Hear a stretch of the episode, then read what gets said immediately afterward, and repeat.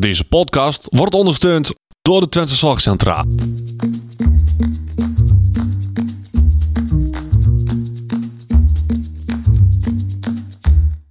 Welkom bij de Out of the Podcast. De podcast waarin ervaringsdeskundige Thijs Vleer en orthopedagoog Odette Hageman samen kijken naar een leven met autisme. Een goede dag allemaal en welkom bij deze aflevering van de Out of the Podcast. Mijn naam is Thijs Vleer, ik heb autisme, ADHD en een lichtverstandelijke beperking. En dat maakt mij de ervaringsdeskundige. En tegenover mij zit niemand minder dan... Odette Hageman en ik ben de orthopedagoog. Ja, en vandaag... Zitten En, we eh, met een speciaal iemand weer. Ja, en dat is een, een gast die al... eh, nou, misschien al wel langer dan, dan, dan Dickie Dex en eh Colette de Bruin samen... op mijn verlanglijstje stond in ieder geval. En waar we echt al vier pogingen hebben gedaan om te zorgen dat, het, dat dit ging gebeuren. Ja, Maar De ze dag- is er eindelijk. Ja, de dag die je wist dat zou komen is eindelijk daar. Ehm, een interview eh, met mijn moeder. Ja. Hi mam, Hoi. hallo. Ehm, even een, een kleine disclaimer voordat we gaan beginnen. Ik ben de enige die niet aan het snotteren is. Want op dit moment van opnemen eh, is er een toppunt van, van, van pollen in de lucht. Ja. Dat zowel Odette hier eh, met waterige ogen en een snotneus zit en, eh, en mijn moeder. Ehm, dus mocht je wat gesnotter en wat gekuchel horen in deze uitzending, dan eh, is, is het dat. En ik ben het niet. Dat is ook fijn om even te vertellen. Het is ook geen covid. Gewoon hooikoort. Bestaat ook nog. Och jeetje, ja. Ja. Nou, dat dus. ja, daar gaan we, we gaan dus beginnen. Als eerste. Hoe vind jij het eigenlijk thuis om dit nu te doen? Ja. Ik, ik, heb de stelling, ik ben de enige die ook de stellingen niet gelezen heeft. Dus ik laat me verrassen. Ik, heb, ik, heb, ik, ja, ik, vind, ik vind het... Ja. Ik, ik vind het niet spannend. Want ik denk dat ik alles wat mama, mama en ik... eh, die praten best wel veel over vroeger. Want daar gaan we het met name over hebben, denk ik. Mhm. En... eh, ik vind het niet heel spannend. Ik denk niet dat er hele spannende dingen uit gaan komen. Hoop ik. Anto- Va- vast geen nieuwe dingen. nee, dat bedoel ik. Antoinette, hoe is het voor jou om hier nu te zitten? Ja, wel oké. Het enige rare vind ik gewoon die microfoons. Dat ik de hele tijd het gevoel heb dat ik dat ding van me af wil duwen. maar voor de rest, eh, ja, gewoon prima. Prima gezelschap. En eh, nou ja, laten we starten. Dan gaan we dat het doen. goed? Dan gaan we beginnen met de eerste stelling. Als moeder merkte ik al snel dat thuis anders was. Mm, Ja en nee. Ehm, ik merkte wel vrij snel dat, dat, het, dat het eigenlijk niet ging zoals ik mij dat, dat voorgesteld had. Hoe Mhm. het zou gaan met een kind. En ehm, ehm, als ik iets zei of als ik iets vroeg, eh, eh, het leek allemaal niet zo tot Thijs door te dringen. En dus op een gegeven moment dacht ik vooral van, ja, ik ben gewoon geen goede moeder Ja. Ik doe het niet goed. Er is iets wat ik niet goed doe. Ehm, ik ben niet duidelijk genoeg. Ehm, eh, dus ja, wel door dat, er iets, iets niet ging zoals ik dacht dat het zou moeten gaan. Ik bedoel, Thijs is onze oudste, dus eerste kind. En ik dacht, ja, weet ik veel. Waarschijnlijk doe ik, ja, doe ik inderdaad dus iets niet goed. En daar hebben we op een gegeven moment wel hulp voor gevraagd. Zo van, goh, kom eens meekijken. ehm, ehm, wat ik anders kan doen. Ja. En hoe lang duurde dat voordat jullie die hulp hebben gevraagd? Was dat toen Nienke er al was? Nee, toen zat jij op de peuterspeelzaal. En op de peuterspeelzaal, da, da, daar ehm, ehm, leek jij eigenlijk toch niet tot de middenmoot te behoren. En nou ja, als een, ehm, ja, een leerkracht, hoe noem je dat? Een begeleidster van een eh, peuterspeelzaal iedere dag bij je komt als jij er bent van, eh, oh maar heeft dit gedaan, heeft dat gedaan. Denk van ja, nou ja, het is een kind. Hoort erbij. Ja.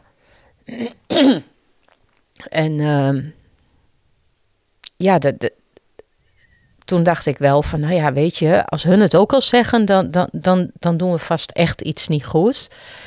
En toen heb ik wel gevraagd of er eens even iemand met ons mee wou kijken. Maar gewoon eigenlijk meer heel erg in de hoop dat ik niet iets niet goed zou doen.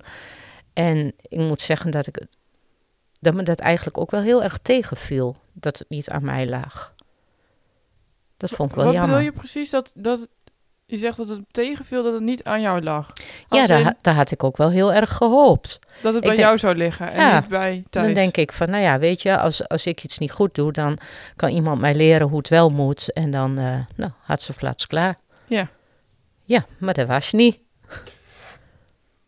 Nee, dat eh, is anders gebleken. Want nee, ik, ik vroeg dat omdat Nienke er al was. Want ik weet dat, dat jullie wel een tijd lang hebben gedacht dat er met Nienke iets niet...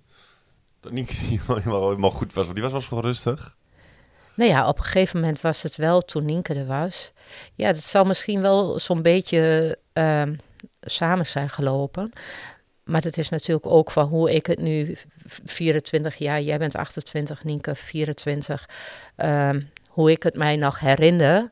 En in die tijd gebeurde er natuurlijk best wel heel erg veel. Ehm, dat we op een gegeven moment zoiets hadden van, oh, maar als Nienke iets zegt, die doet dat gewoon. En Ja. die luistert gewoon. En ja, dat was wel bijzonder. Ja. ja, dat is heel herkenbaar als ik eh, in mijn werk vaak met ouders praat waarvan ze één kind dus aanmelden. Dat ze ook altijd zeggen, ja, maar met het andere kind dan ging opeens vanzelf. Dan hoefden we helemaal niet moeilijk te doen of die werd niet boos of de, die deed alles gewoon in één keer. Nee, Nienke had helemaal geen boze buien. En dacht van, nou, nou, of dat wel helemaal goed is. Ja. Hey, en, Ja, en je zei van, je merkte aan de ene kant wel dat Thijs anders was, maar aan de andere kant ook niet. Wat was dan dat stukje waaraan je het niet merkte? nou, niet dat thuis anders was, maar ik dacht meer dus dat ik anders was. Maar dat jij... Dat ik als moeder ja. zijnde... ehm, dus ik had niet gelijk zoiets van, oh, Thijs, die, eh, hè, het klopt bij Thijs niet. Ik zocht het meer bij mezelf. Oké. Hey, en heeft het lang geduurd voordat jullie de juiste hulp hebben gekregen, uiteindelijk? Mm, ja, ehm, Is het een idee dat je eens even vertelt van hoe, hoe, hoe dat traject gelopen is? Nou ja, dat begon dus met die mevrouw die bij ons thuis kwam en die eens meekeek en die zoiets had van nee, maar je bent wel heel erg duidelijk. En uiteindelijk de enige tip die ik na een aantal keren van haar kreeg, dat was dat ik met de lunch, als jij ehm, dan toch maar twee boterhammen at, eh, eerst iets met hartig moest en dan iets met zoet mocht, ehm, dat ik dan geen zes dingen op tafel zette, maar dat ik dan bijvoorbeeld maar drie dingen op tafel zou zetten. Zo van dat ik daar wat structuur in aan kon brengen. En ehm, nou ja, goed. Ik merkte al wel snel van dat het op school eigenlijk met jou niet zo ging zoals de leerkrachten dachten dat het zou moeten gaan. En dan voornamelijk met de begeleidsters. Als jij zeg maar op de speelzaal het idee had dat een kind naar de zandbak moest omdat dat leuk was of goed was voor dat kind. Nou ja, je was groot, je was sterk. Ja, dan kwam dat kind ook echt wel in de zandbak. Of dat kind dat nou wou of niet. En dan ging die gewoon bij jou onder de arm hop naar de zandbak. En zo waren er eigenlijk iedere dag altijd wel dingen ehm, waar ze dan mee kwamen. En op een gegeven moment was ik daar eigenlijk wel een beetje klaar mee. Dat ik dacht van ja, laat het jong spelen en anders doe er wat aan. Maar toen kwamen ze bij mij en toen zeiden ze dat jij door een wesp geprikt was en niet eens huilde. Ik dacht, nou, nou moet je ophouden te zeuren. Ja. Ik denk, dit wordt me te gek. eh, weet je, dat, ja, dat vond ik toch wel heel bijzonder. En dat vind ik nog wel steeds bijzonder hoor. Van hoe je op school binnen zo'n strak keurslijf moet passen, omdat het anders niet oké is.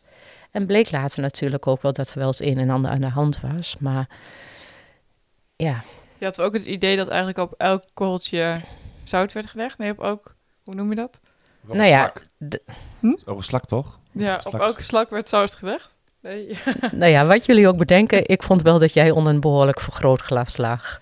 Maar ja, goed, toen ging je naar de basisschool heen en toen ging dat eigenlijk nog steeds wel. ehm, hè, als een kind bovenaan de glijbaan stond, ja, waar is een glijbaan voor? Een glijbaan, daar glij je vanaf. Ja. En als je daar dan staat en je moet daar nog even over denken, dan dacht Thijs van, hoppatee, jij moet van die glijbaan af. Ja, er waren natuurlijk van die dingen dat ik dacht van, ja, dat kan ook niet. Maar aan de andere kant was het wel bijzonder, want dan deed ik mensen bijvoorbeeld aan de hand van, ehm, ehm, ja, weet je, maar eh, als jij bijvoorbeeld naar binnen moest lopen, vroeg moesten wij in de rij staan, twee aan twee naast elkaar. En je ging met de rij naar binnen heen. Tegenwoordig stormt gewoon zo'n hele klas. Nee, drie van die klassen die stormen naar binnen heen. En jij duwde kinderen aan de kant. En niet omdat je dat voor mijn gevoel wou, maar omdat jij naar de kapstok moest. En die kinderen stonden dan gewoon in de weg. En dat kan natuurlijk niet. Dus dan moet je kijken naar een oplossing. Maar ik had nooit het gevoel dat je het expres deed.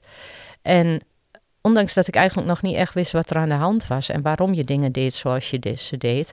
Dus ik stelde voor van, goh, maar uh, geef Thijs dan een taakje en laat hem de deur vasthouden. Laat Thijs de deur vasthouden totdat alle kinderen binnen zijn en laat hem dan daar jas op hangen. Nou ja, dat kon niet. Want dan wouden alle kinderen dat wel. Weet je, en, en als je dan praat over hulp, dan denk ik, daarin had ik altijd wel het idee dat ik hele bijzondere dingen opperde of zo. Want het kon eigenlijk nooit. En uh, het, het, het was. Um, er werd wel vaak in problemen gedacht, vond ik. Terwijl ik dacht van nou, dat is een mooie oplossing. Ja. Weet je, dan geef je hem een taakje, dan weet hij wat hij moet doen houdt hij de deur vast. De andere kinderen kunnen rustig naar binnen heen. Ja, en dan denk ik van ja, dan ben je in mijn gevoel toch wel wat meer in problemen aan het denken. Ja. Net als uh, op het, het voortgezet onderwijs, dat ik die koptelefoon opwou. Die koptelefoon, zodat ik de rest van de klas niet kon horen. Zo'n zo geluidsdempende koptelefoon. Ja. En dat was ook allemaal moeilijk. En dan hangen ze er overal. Ja, precies. Nu worden ze standaard voor school volgens mij uitgeleverd. Uh, terwijl het toen een raar idee was. Ja. Maar het was natuurlijk ook, en dat zie je heel vaak voor een basisschool, die hebben gewoon hun, hun gang van zaken, hoe zal ze dingen doen. Dus als dingen opeens anders moeten, omdat het bij een leerling beter past, dan is het opeens ingewikkeld en lastig. Dat is nog, vandaag nog steeds zo het geval. Nou, daar verbaas ik me dus wel eens over, want ik heb, um, als je vraagt van, goh, hè, um, heb je snel hulp gehad?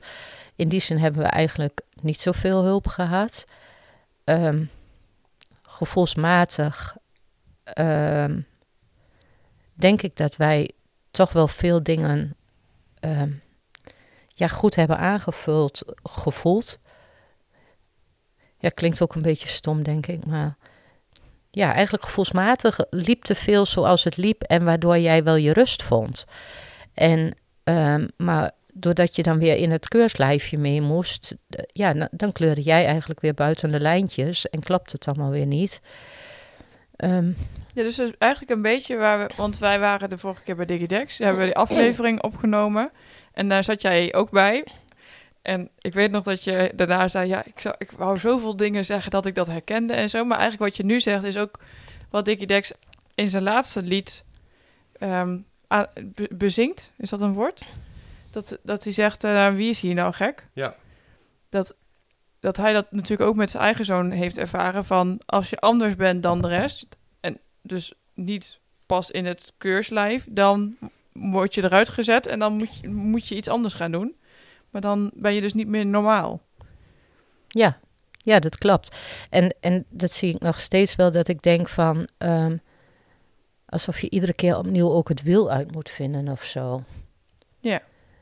Maar sinds wanneer weet je dan en hoe is dat dan gegaan? Wat Thijs precies heeft? Ja, want ik denk dat, het, dat ik vroeg dat net ook al. Uh, ik denk dat het voor onze luisteraars, er luisteren natuurlijk ook heel veel ouders die net een kind hebben waar die net de diagnose heeft gehad. Hoe, um, hoe, hoe, hoe gaat zo'n zo, zo, zo, zo'n traject?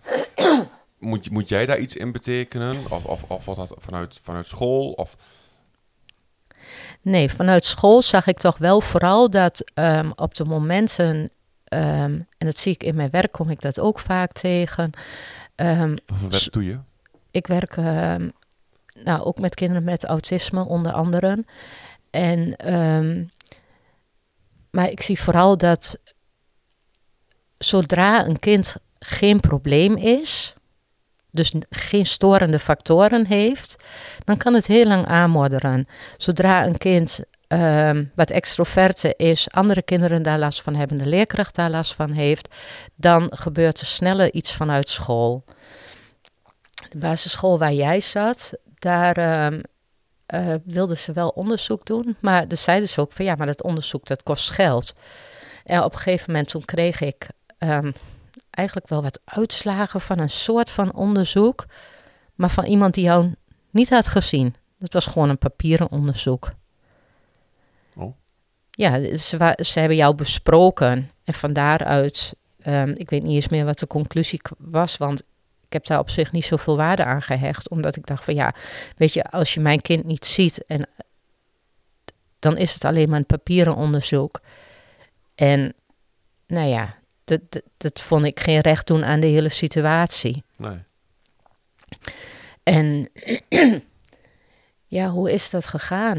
Uiteindelijk kwamen we bij eh, dokter Van Andel, een kinderpsychiater, en die, ehm, ja, die had wel vrij snel door wat er aan de hand was. En die had het ook in de eerste instantie over ADHD. En nou, dat zit er ook inderdaad wel, maar het autisme ehm, had toch veel meer de overhand. En hij had alleen zoiets van, ja, maar dat stickertje, de, de, daar is hij nu nog te jong voor. Daar wil ik er nu nog niet eh opplakken. Was dat er één keer op zit, dan gaat het niet zomaar weer af. En toen had hij wel zoiets van, dat het goed zou zijn dat jij naar een school ging in Almelo, naar het Mozaïek.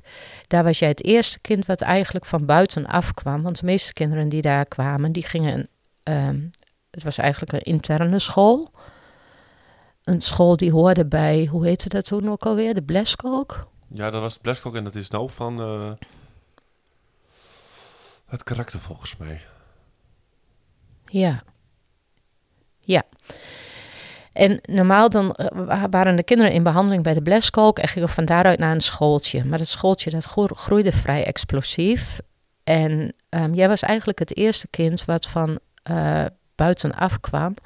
En jij was toen zes, klopt dat? Ja, je zat in groep 1 en bij zes toch? Nee, ik zat in groep 3. Dat is, ja, vroeger was dat bij jullie klas 1. Ja, maar je hebt inderdaad ehm, groep 1 en groep 2 wel gedaan. Zeg maar, dat was toen bij ons de kleuterschool. Ja, ja, dus die heb je wel gedaan. en ik heb voor mijn paar weken in groep, groep 3 gezeten. Ja, ja, daar had je juffrouw Mieke en die had zoiets van... ja, nee, maar eh, dit wil ik zelf proberen en ik denk dat ik dat kan. En nou, dat was gewoon op zich gewoon heel fijn. Zo van, ze had er wel vertrouwen in, ze had vertrouwen in haar eigen kunnen.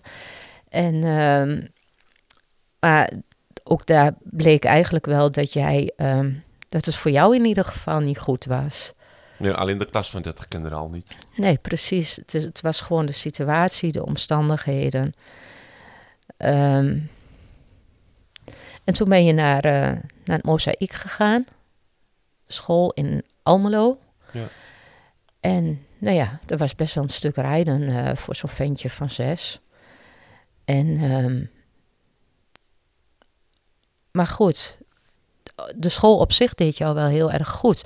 Was ook wel heel bijzonder, want daar hadden ze toen zes kinderen in een groep.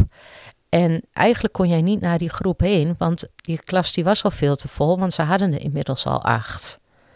Nou ja, je ziet dat het ondertussen met dezelfde kinderen, met dezelfde bezetting, ondertussen allemaal al verdubbeld is naar 16 op dit moment. Nou ja, dan ben je dus wel twaalf jaar verder. En, ehm, maar daar deed je het dus heel erg goed. Je had daar gewoon structuur, je had daar duidelijkheid. Maar het was nog wel steeds zo dat je gewoon in het sociaal-emotionele. ehm, ja, eigenlijk nog wel wat zou kunnen leren. En toen zijn er vanuit de Bleskok en zo ook onderzoeken gedaan. Ehm, je ging daar naar de dagbehandeling. Ja. Je ging dus niet alle dagen naar school, maar ook deels naar de dagbehandeling. Alleen ook de dagbehandeling, dat was daar wel van. ehm, als jij daar een boze bui had gehad, dan moest ik jou opkomen halen, weet je dat nog? Nee, dat weet ik niet meer. Nee, dan moest ik jou ophalen. En dat was op school ook zo. Dan had je een boze bui en dan moest ik jou opkomen halen. En bij de dagbehandeling was het zo dat je dan de dag erna niet mocht komen. Dat was dan een soort van sanctie. Oh, En- echt? Ja, dan mocht hij de dag daarna niet komen. En de dag daarna moest er een gesprek komen over het eh, voorval. En ja, dat was ook iets wat ik eigenlijk niet zo heel goed begreep. Want jij zag geen oorzaak-gevolg. En dan moest je twee dagen later komen voor. En soms zat er dan een directrice bij om wat meer gewicht in de schaal te leggen. Of een behandelaar. En je had echt zoiets van: ja, maar hij keek me aan. En toen gooide ik met mijn broodtrommel naar hem. Ja. En dat vond jij heel logisch. Dat, ja, logisch toch? Als die zo naar me kijkt, dan gooi ik met een broodtrommel. En het oorzaak-gevolg, dat zag jij gewoon niet. Dus laat staan dat je dat twee dagen later nog zag. En je vond het ook altijd heel erg als ik jou op moest halen. Op een gegeven moment zei je ook altijd: niet mama bellen, niet mama bellen. Zo, omdat je het erg vond dat ik jou op moest halen. En dat had je ergens waar wel door van. Dat je, dat je het vervelend vond voor mij. En dat vond ik dan ook wel weer bijzonder. Dat Ja. je dat wel door had. Ja, want ik heb daarvan van jou nooit geen straf gekregen. Nee, we gingen daarna meestal wandelen in het bos. Ja. Nou, klink jij verbaasd. Dat kan ik me daar weer niet herinneren. Nee, Oh, maar, nee, maar, maar- was je verbaasd dat je geen straf kreeg van je moeder? Had je verwacht dat je dan thuis zou komen? Nee. Nee, dat, wa- nee dat, daar was ik niet verbaasd over. Nee. Lijkt dat zo? Ja, dat is zo, nou ja. Maar mijn idee daarbij, dat was dat jij ehm, ehm, op de dagbehandeling, ehm, daar had je vaak al een hele tijd apart gezeten. Daar waren mensen al, nou ja, toch wel een soort van boos op jou. Je moest dan een dag thuis blijven. De dag daarna mocht je, weet je, dan denk van ja, daar ga ik niet ook nog eens overheen om kwaad te worden op jou. En vooral omdat ik dacht van, dat je moest leren ehm, waarom ehm, dat je wel boos mag zijn, dat je wel ergens, ehm, ergens niet mee eens mocht zijn, maar dat je vrouw moest leren van hoe ga ik daar dan mee om. Nou, dat doe je niet door, door te slaan of door te gooien met dingen. Dus dat vond ik vooral heel erg belangrijk. En ik had niet het gevoel dat het eraan bij zou dragen wanneer ik dan nog een keer kwaad op jou zou worden. Nee. Dus om de rust erin te houden, gingen we dan gewoon vaak wandelen. Gewoon lekker het bos in. Maar als ik het dan goed begrijp, zijn jullie naar de psychiater geweest. Die heeft toen eigenlijk wel gezegd: Oké, er is sprake van autisme, maar Thijs is te jong, dus dat, daar doen we nog even niks mee. Toen hebben ze dus bij de Bleskolk op school hebben ze nog meer onderzoeken gedaan, wat waarschijnlijk dat ook heeft bevestigd. Dat klopt. Ehm, is er dan nog een moment geweest dat daadwerkelijk echt hard die diagnose is gesteld? Of was het eigenlijk met de Bleskolk die zei met observaties en zo: Dit is wat het is? Ehm, ik denk dat, ja, dat. En het is ook gewoon in mijn gevoel zo gegroeid. Ja. Zo van dat ik dacht van. ehm, ik denk, ja, die, A- als het alleen ADHD zou zijn, hè, wat dan in het begin een keer eh, een testje ergens bij een ziekenhuis of zo. eh, dat ik dacht van. Ja, klinkt misschien wat. Maar ik had echt zoiets van: ja, nee, maar daar zou ik wel wat mee kunnen. Weet je, maar er is een stukje wat voor mij niet grijpbaar was, wat voor mij niet Ja. klopte. En ehm, toen, toen de eerste keer er gesproken werd over autisme, en toen dacht ik van, oh ja, ja, maar dit, ehm, dit snap ik wel. Ik snap wel dat het zo is en dat het zo werkt. En hoe meer duidelijkheid Thijs ook kreeg, hoe meer ehm rust er ontstond eigenlijk. Ja, en is toen op de Bleskolk toen ook onderzoek gedaan naar zijn intelligentieniveau? Was dat, is dat, ook- was dat ook een moment wa- waardoor dat duidelijk werd? Ja, ja. Dus toen werd eigenlijk, eh, toen was hij dus zes, toen werd duidelijk voor jullie wat er nou echt daadwerkelijk aan de hand was. En waarom het dus anders ging. Nee, toen was hij denk ik al wel ietsje ouder. Jawel. Toen het echt duidelijk werd, toen hij zes was, toen was het meer inderdaad dat er eh, gezegd werd van, nou ja, weet je, die sticker gaan we er nu nog niet zo strak op plakken. Eh, laten we maar eens kijken hoe het zich verder ontwikkelt. En ik denk toen je een jaar of acht was, ja, dat wel heel duidelijk was. Misschien ook al wel eerder hoor, maar Ja, want voor mijn gevoel heb ik eerst best wel een tijd op de, eh op de Bleskook gezeten. Nee, op de mozaïek. ja. En ben ik pas in, in, in, in, in, in, die, in die klas, in die, bij juffrouw Emmy, nee, in die tweede klas pas, naar eh, het mozaïek, of naar, naar de Bleskook gegaan. Ja. Ja. Dus het is echt wel een jaar of twee later. En toen dat duidelijk werd, hè, toen je eindelijk wist wat er aan de hand was, wat er speelde, is er toen hulp gekomen of ondersteuning of begeleiding voor jullie? Nee. Nee, hebben we ook niet echt naar gezocht hoor. Omdat we echt het gevoel hadden zo van dat het... ehm,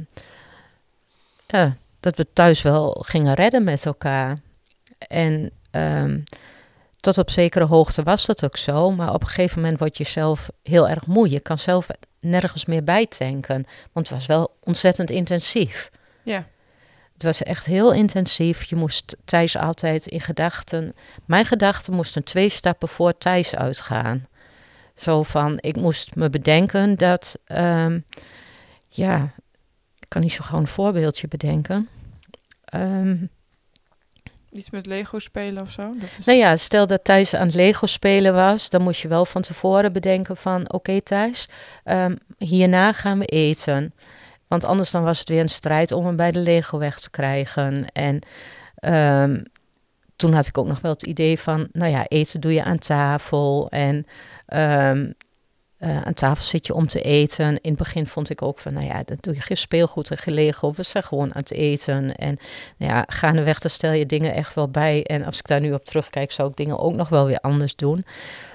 Maar ehm, je moest altijd wel van tevoren ehm, bedenken van welke gedachten, welke kant Thijs' gedachten op zouden gaan. Ja. Ja, en wat ik me herinner, en daar gaat ook een beetje die volgende stelling over, want je zei het was altijd intensief, maar we dachten wel, we gaan het wel met z'n allen redden. Er is natuurlijk een moment geweest, volgens mij was je 12 toen je uit huis ging. Ja. Daar gaat eigenlijk de, de, ja, de volgende stelling over. De moeilijkste beslissing in ons leven is de keuze om thuis uit huis te laten plaatsen. En toen was hij dus 12. Ja,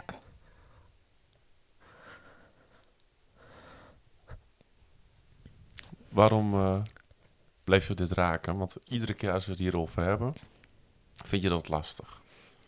Terwijl het misschien de moeilijkste keuze ooit was. Maar daarnaast ook wel de meest dappere en... Als je wil stoppen, moet je het ook even zeggen. nou ja, mijn reactie verbaast mezelf ook iedere keer weer. Want, Want ik wist dat deze stelling eraan kwam. Ik dacht Ja. van, nou ja, Nee, ik- wat ik, daar, wat ik daarover zeggen wil, is dat doordat papa en mama ooit deze keuze gemaakt hebben, ik hier nu wel zit zoals ik nu zit. Dus Ja. ik, tot, tot op de, en dat weten ze ook wel, tot op de dag van vandaag eh, ontzettend dankbaar ben voor dat ze dit gedaan hebben. En ehm, ik heb, ja, om jou even wat, wat ademruimte te geven, ik heb van de week een gastles gegeven en daar werd ook gevraagd van, hè, je bent op je twaalfde naar huis gegaan en vond je dat niet vervelend? Nou, in mijn herinnering, en mama, zeg maar als het niet zo is, ehm, was mijn eerste reactie best wel enthousiast. Vond ik het best wel, snapte ik het wel en had ik echt wel zoiets van dat het beter was. ja.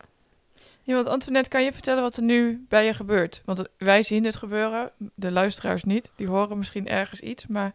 Want ik denk dat dit heel veel ouders met jou dit moment of meevoelen... of denken, oh ja, deze beslissing moeten we misschien ook gaan maken. Ja, het voelde niet echt als, als, ehm, als een beslissing waarin je vrije keuze had of zo. Het voelde voor mij ook echt als falen, echt als een moment van ik kan het dus niet zelf. Ehm, het gevoel van ehm, ik had altijd het idee van als ik zelf kinderen krijg, ja, ik, ik, ik, ik, had het idee dat ik wel vrij ruimdenkend was. Dan denk ik van, het maakt me niet uit eh, wat ze later gaan doen, welke baan ze hebben, ehm, eh, of ze met een vriendje, vriendinnetje thuiskomen, weet je, zo van... Als ze maar niet autistisch zijn.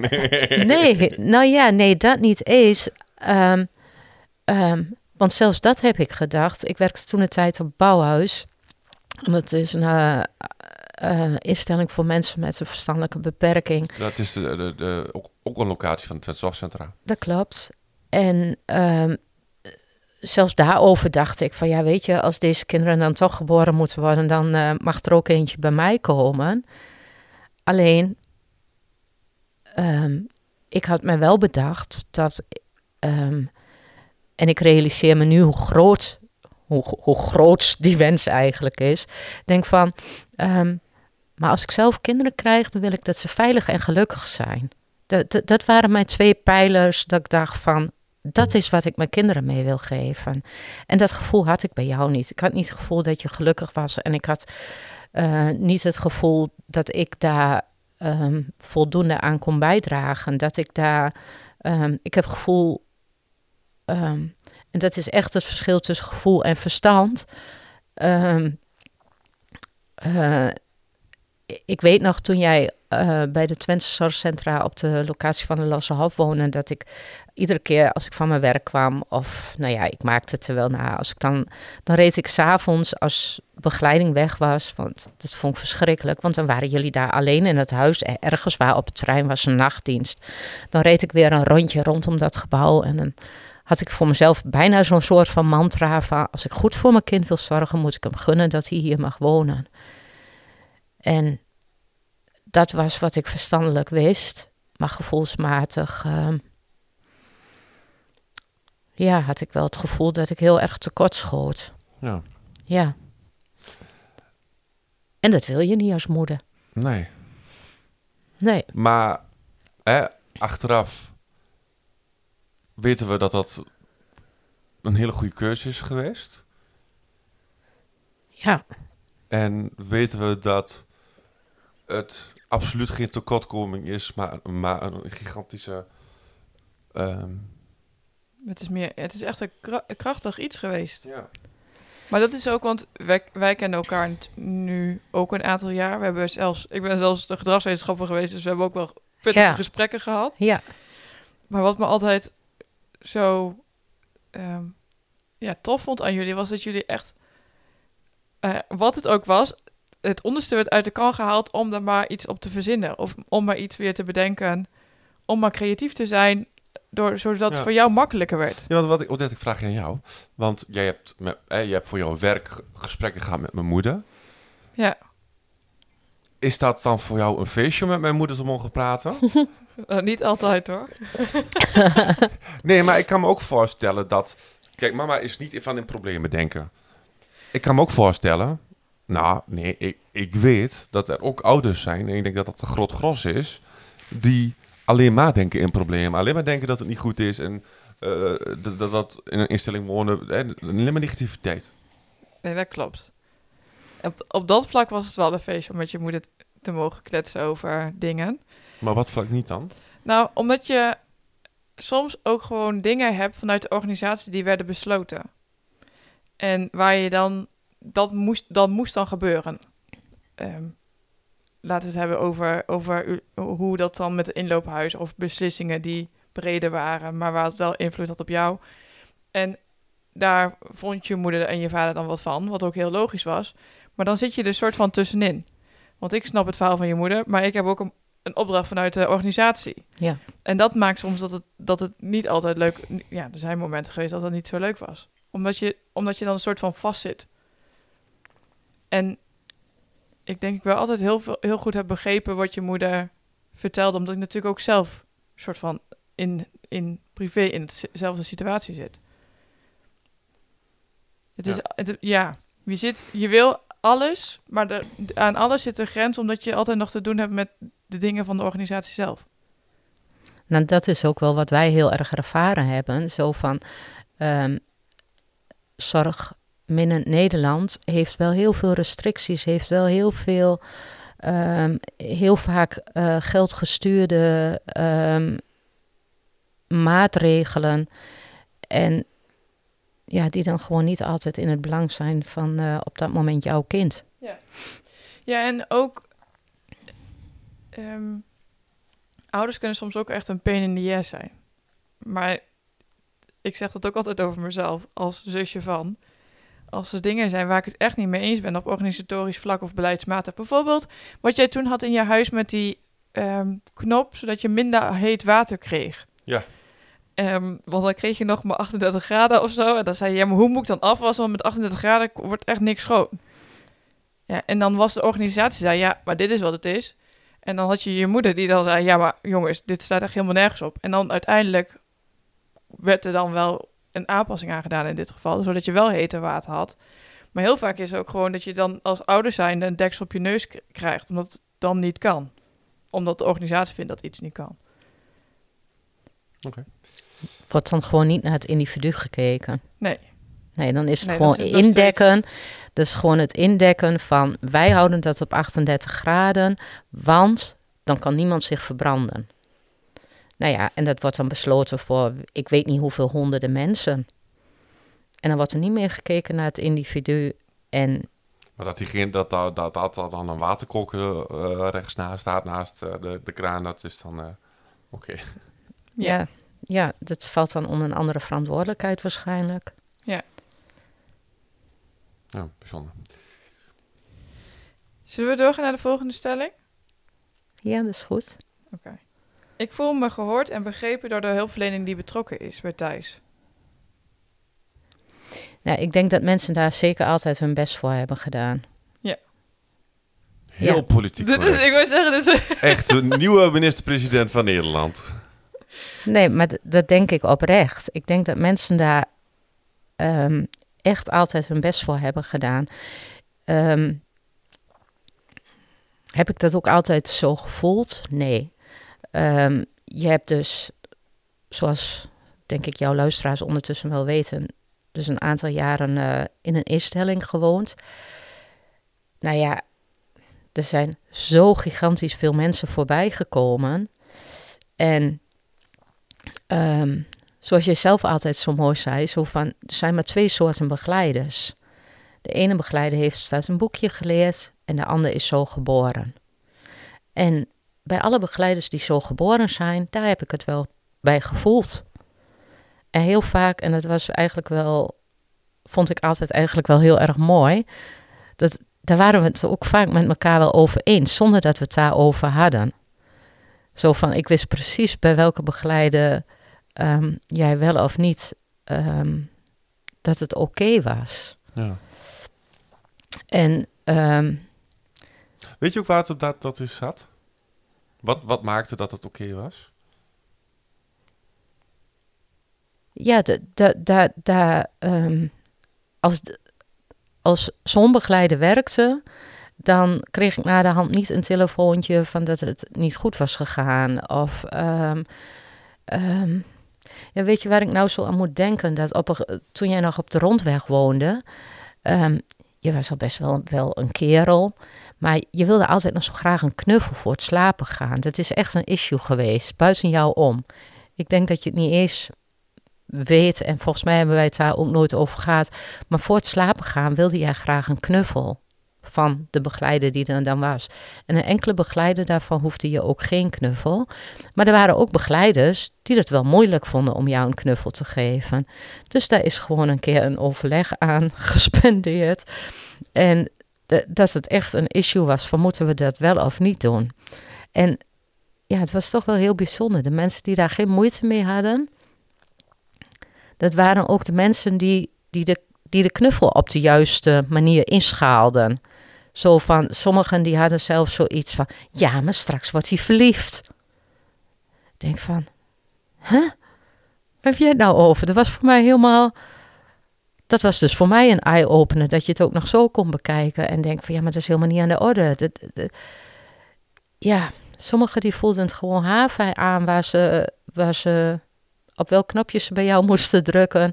En dan, dan liep je gewoon lekker mee en dan ging het ook wel goed. Ik bedoel, het was ook heel vaak wel te herleiden waar iets wegkwam. En ehm, wat was de stelling ook alweer? Of je altijd gehoord en begrepen voelde door de hulpverlening. Ja, nou ja, en ik zie nou ook wel, nou je hier woont Thijs, dan heb je zo'n klein team. Ehm, is het lijntje gewoon lekker kort. En dan, ehm, ja, dan merk je gewoon dat de samenwerking gewoon makkelijker gaat. Ehm, ehm, mensen zelf ook. ehm, Meer verantwoording nemen. Want wat ik merk, ja, zelf, dat. zelf heel erg merk, is dat op de groep wordt er gezegd, overleg maar met je PB'er. En met je persoonlijk begeleider. Ja, En hier is het gewoon, oh ja, dat moeten we gewoon even regelen. Dus als dat zo is, dan moeten we dat even doen. ja. Ja, ja je, je kan hier ook wat meer buiten de lijntjes kleuren. Ja, Voor, voor zowel begeleiding als voor jezelf. En dan is het gewoon inderdaad kijken naar wie ben jij, wat heb jij nodig. En daarin voel ik me dan wel heel erg gezien en gehoord. En ehm, als ik dan terugkijk naar de Twentse zorgcentra, er waren veel begeleiders die van goede wil waren. Maar net als wat jij net zei, zo van aan de ene kant begrijp je het. Begrijp je wat die cliënt vraagt? Begrijp je wat die ouders willen voor die cliënt? En aan de andere kant ehm, ja, ben je waarschijnlijk ook weer aan handen en voeten gebonden wat een organisatie van je wil. Ja. En de bureaucratie die het allemaal met zich meebrengt. En ja. ja. je moet wel met z'n allen sterk staan eh, om daar tegen in te gaan en om het ja, toch anders te doen. Ik was nog wel benieuwd of jij dat... Want je moeder vertelde dat verhaal van die knuffels. Wat weet je... Heb jij daar ooit iets van gemerkt? nou, ik wist natuurlijk wel dat de ene... jij ook niet zo wat knuffel, maar je kunt gewoon voelen of iemand een knuffel geeft omdat hij jou een knuffel geeft, of een knuffel geeft omdat het moet. Ja. Dat kun je gewoon voelen. Zo simpel is dat. Als ik een knuffel van mama krijg, dan krijg ik een knuffel. Maar, ehm, Als je een knuffel van mij krijgt, dan krijg je geen knuffel. nee, nee, zeker niet. Nee, dat klopt. Krijgt niemand. Ehm, volgende stelling. Een kind met een beperking is niet altijd makkelijk. Maar we hebben altijd veel steun en hulp gehad van familie en vrienden.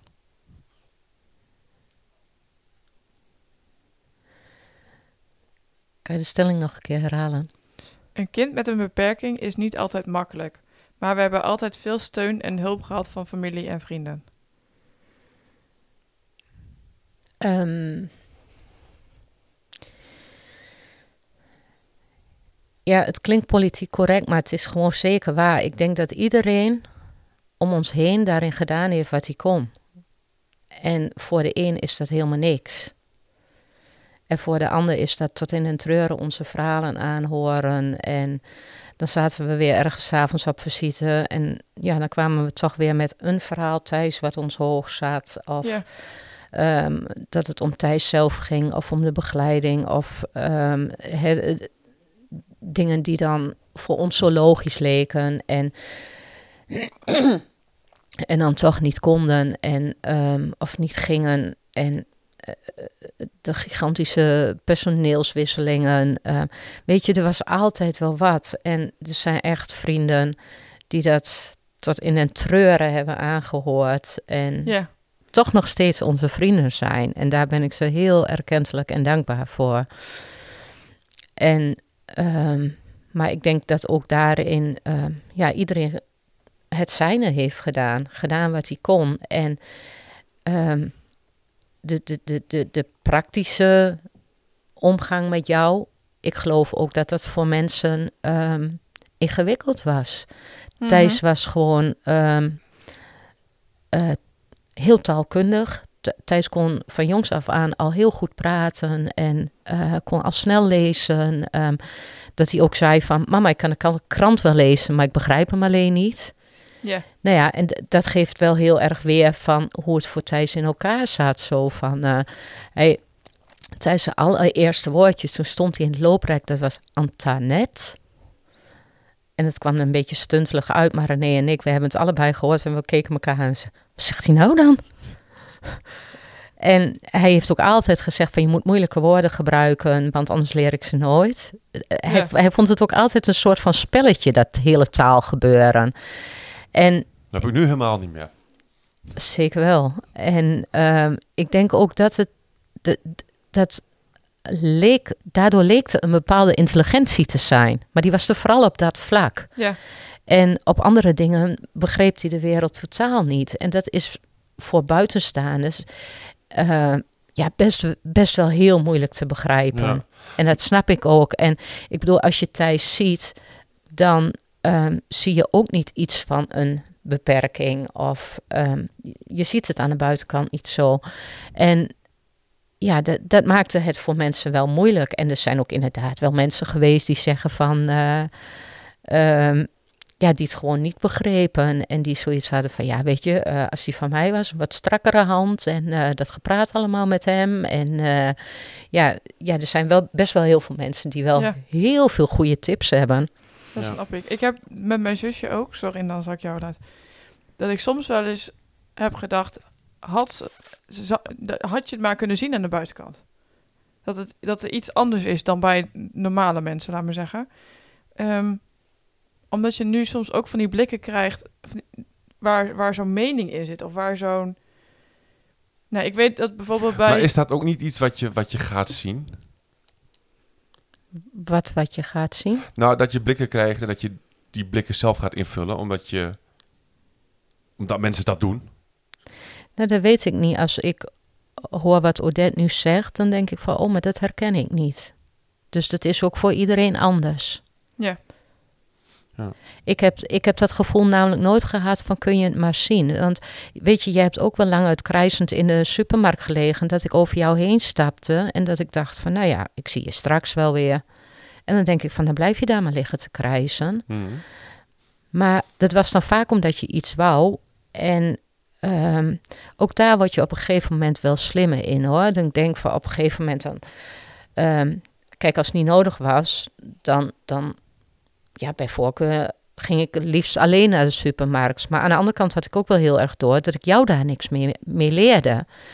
En in die zin denk ik, ik heb geen betere leermeester voor mezelf gehad dan jij.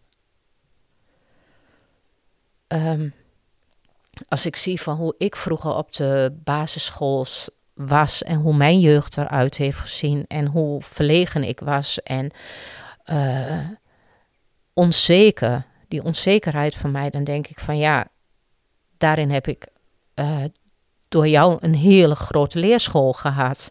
En dat ik op een gegeven moment ook dacht van, ehm, kijk, dat krijgen van jou in bijvoorbeeld de supermarkt, om daar maar bij te blijven, had ik heel makkelijk kunnen te verhelpen door jou zin te geven. Door me wat aan te trekken van de mensen die inderdaad, zoals Odette zegt, wel kijken. Want mensen kijken. Zo'n krijzend kind, dat hoort niet.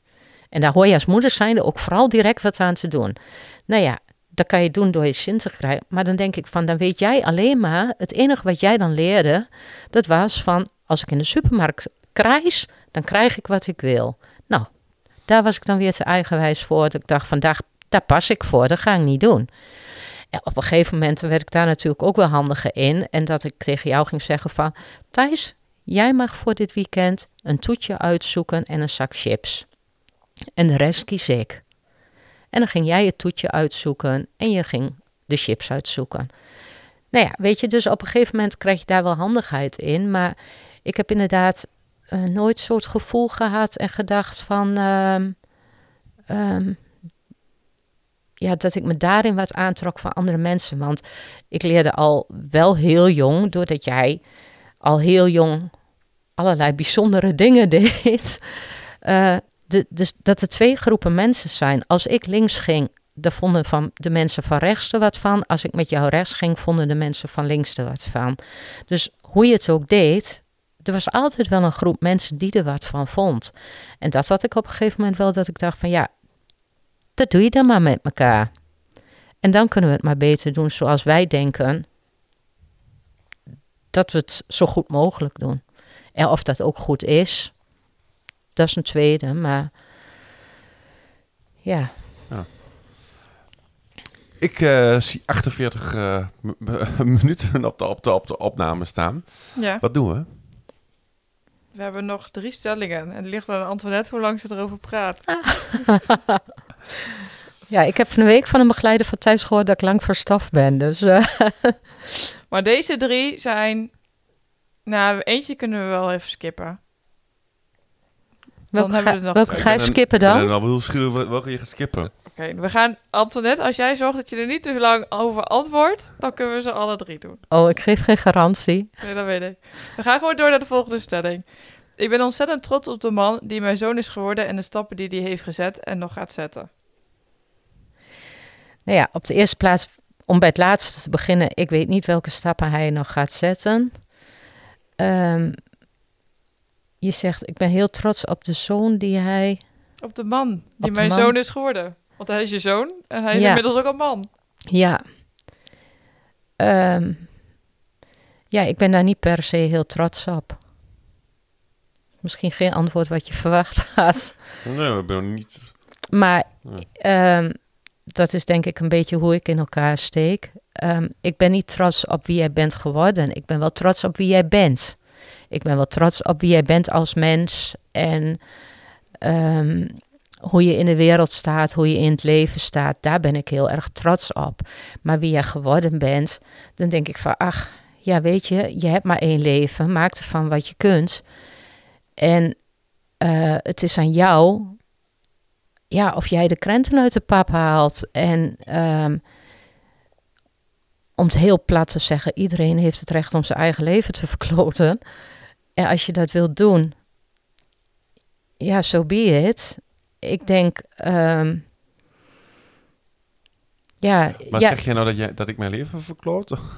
nee, Nee, oké. nee, Nee, ik, nee, ik, ik, niet. ik, ik weet dat ook wel hoor, maar ik, het kan het misschien voor mensen die ons niet zo goed kennen. Ja, nee, dat niet. Ehm, nee, zeker niet. Maar ehm, ik, ik, ja, net wat ik net al zei, ik ben trots op wie jij bent als mens. Maar ik ben ehm, vaak zijn mensen ook van. toen Thijs jonger was, toen was er ook iemand en die zei van, nou, je hebt wel twee hele verschillende kinderen. En ik antwoordde echt oprecht zo van, nou, volgens mij helemaal niet. Ik zeg, vind eigenlijk wel dat ze heel erg op elkaar lijken. Omdat ik vind dat ik twee warme en liefdevolle kinderen heb. En dat ze ook zo in de wereld staan. En dat ze ook zo naar andere mensen kijken. Uiteindelijk bleek dat die vrouw het over schoolprestaties had. Ik dacht, ja, joh. De een zit op de universiteit en de ander heeft zijn school tot zijn veertiende, dertiende afgemaakt. Ik denk van ja, je hebt het alleen maar over schoolprestaties. Ehm, ik was, eh, jij woont nu hier in Lossen. Je bent van een heel klein kamertje op de rondweg, hè, wat een zit-slaapkamer was, naar een eigen appartement gegaan, naar nu een woning. Ben ik daar trots op? Ik was niet minder trots geweest als jij nog op de rondweg had gewoond. En als jij je dan als mens ehm, zo had ontwikkeld als dat je dat nu... eh, Weet je, gewoon het gaat mij om je karakter, om, om de binnenkant. En Ja, waar jij in het begin ook al zei van dat je gelukkig en veilig bent. Ja, en, en dan denk ik van als de plek op de rondweg voor jou de juiste plek was gebleken en dat je, dat je daar gelukkig zou zijn, dan was dat ook goed geweest. Weet je, ik denk dat je heel erg moet kijken naar van hoe zit iemand in elkaar, wie ben je en, en, en waar hoor je dan? Of waar hoor je dan? Ik denk dat je nu precies op de plek bent waar je hoort te zijn. Ja, ik Ja. ook. Ik moet wel zeggen, ik vind het wel mooi hoe je hem omdraait in tekst. Dat, dat dus de verschil zit, zit in woordgebruik. Dus dat het, wat je zegt, niet geworden, maar hij is gewoon de zoon waar ik trots op ben. Ja. Dat vind, ik- ja, dat vind ik een mooie... Ja, daar heb Ja. je niet wat voor hoeven doen of zo. Ik bedoel, toen hij boze buien had, toen was ik ook trots op hem. Toen Ja. was het ook mijn kind. En ja, gewoon ook inderdaad altijd wel geprobeerd om te kijken naar de mogelijkheden. En wat kan hij wel en wat doet hij wel. En Dus eigenlijk gewoon echt die onvoorwaardelijke liefde. Wat, wat er ook gebeurt. Wat hij ook doet. Hij is mijn zoon en ja, ik hou van hem. ja, absoluut. Als je een tip, tip mag geven aan ouders die ehm, mogelijk in hetzelfde schuitje zitten, ehm, dan zou ik ze dit mee willen geven. Ja, dat, oh, nu ben ik heel erg afgeleid. Sorry luisteraars, maar ik zit hier eh, naar buiten te kijken en er staat een grote boom en daar loopt een eekhoorn naar boven. Het spijt me. Hij is zo schattig. Ehm, nou ja, goed, ook dat ben ik.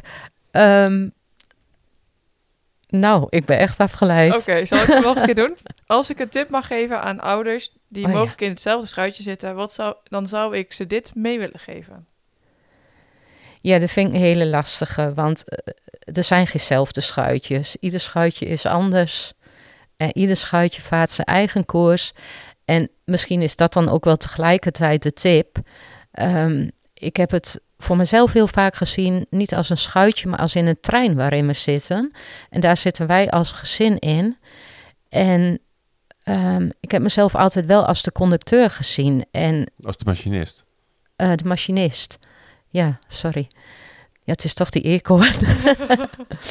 ik heb mezelf altijd wel als een machinist van die trein gezien. En ik ben me altijd wel heel erg bewust van geweest dat eh, alle mensen die wilden helpen, die wilden meedenken. eh, dat vond ik belangrijk, dat vond ik fijn. Maar ook wel gezien meer als de machinist. Op enig Conducteur. station. eh, sta- con- conducteur, ja. Ik zal heel even, vast, even, even samenvatten. Mama was de machinist van de, van de Thees-locomotief... die altijd, do- die altijd vooruit moest, altijd door moest. En op de verschillende perrons waar ik in het leven aankwam... er stapten eh, nieuwe eh, conducteurs in en gingen de ou- oude weer uit. Nou, dat is een hele mooie samenvatting, ja. En ehm, ja, die mensen, ook die, je weet dat mensen uitstappen. Ik had nooit verwacht dat er zoveel mensen zouden waren die uitstappen en ook weer instappen. En ehm, dus in die zin heb ik wel zoiets van, ja, probeer wel je eigen regie te houden over je eigen leven ook. Want er zijn ehm, eh, naast eh, dat je dus hulp nodig hebt bij bepaalde vraagstukken voor je kind. ehm, daarmee weten mensen ook heel veel over jou. En was er bijvoorbeeld altijd een oordeel over dat ik bij een overleg was en René niet. Terwijl wij daar samen helemaal oké over waren. En er was een reden voor, dat had een oorzaak. En wij waren daar helemaal oké over. En toch vinden vreemde mensen, die vinden daar wat van.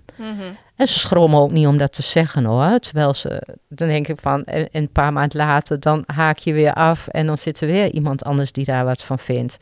Dus in die zin heb ik wel zo van, denk ik van, nee, hou maar de eigen, de regie over je eigen leven. En als je daar met elkaar als gezin oké over bent, ja, dan is het oké. Want al die andere mensen die, eh, nou ja, zoals dat dan in de volksmond heet, eh, gewone kinderen hebben.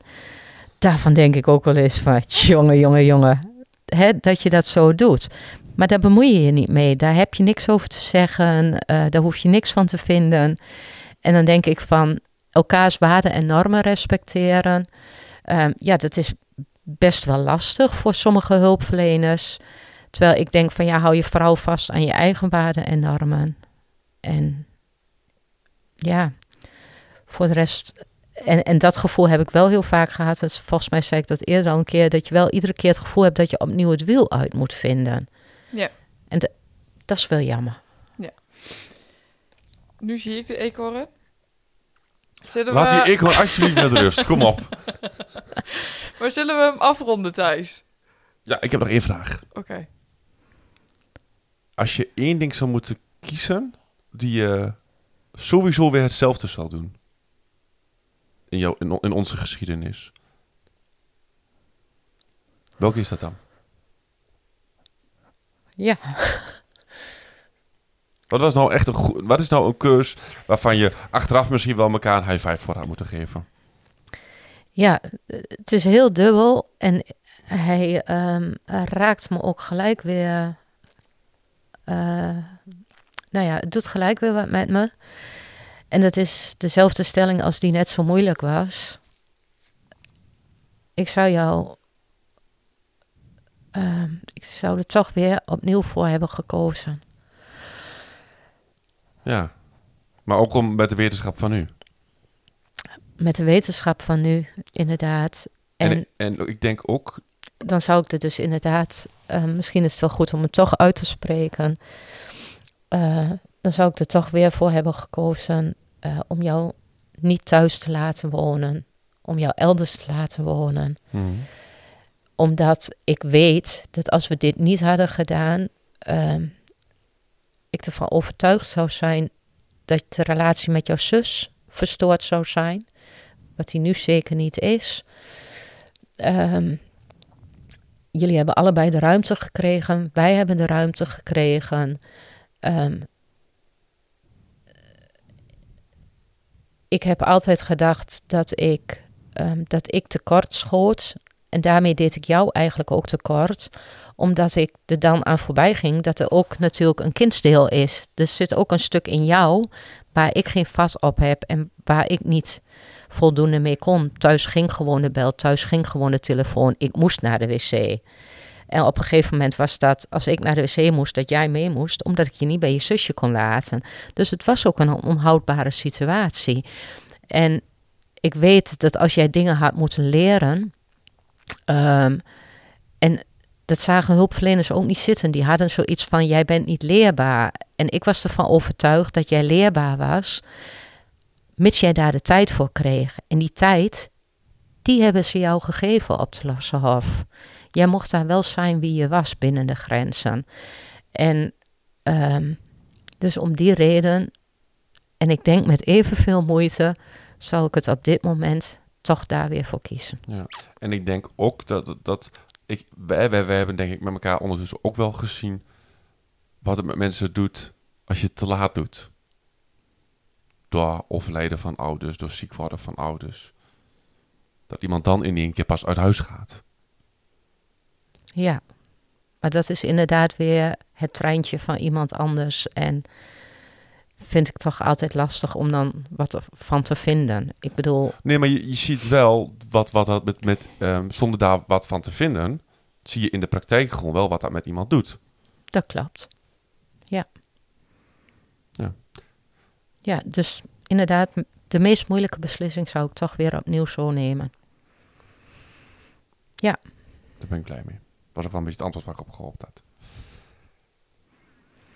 En dan even voor de luisteraars thuis. Ze zitten nu elkaar echt heel liefdevol aan te kijken. Nou, Ja, maar dat doen jullie wel. dat hebben jullie wel echt.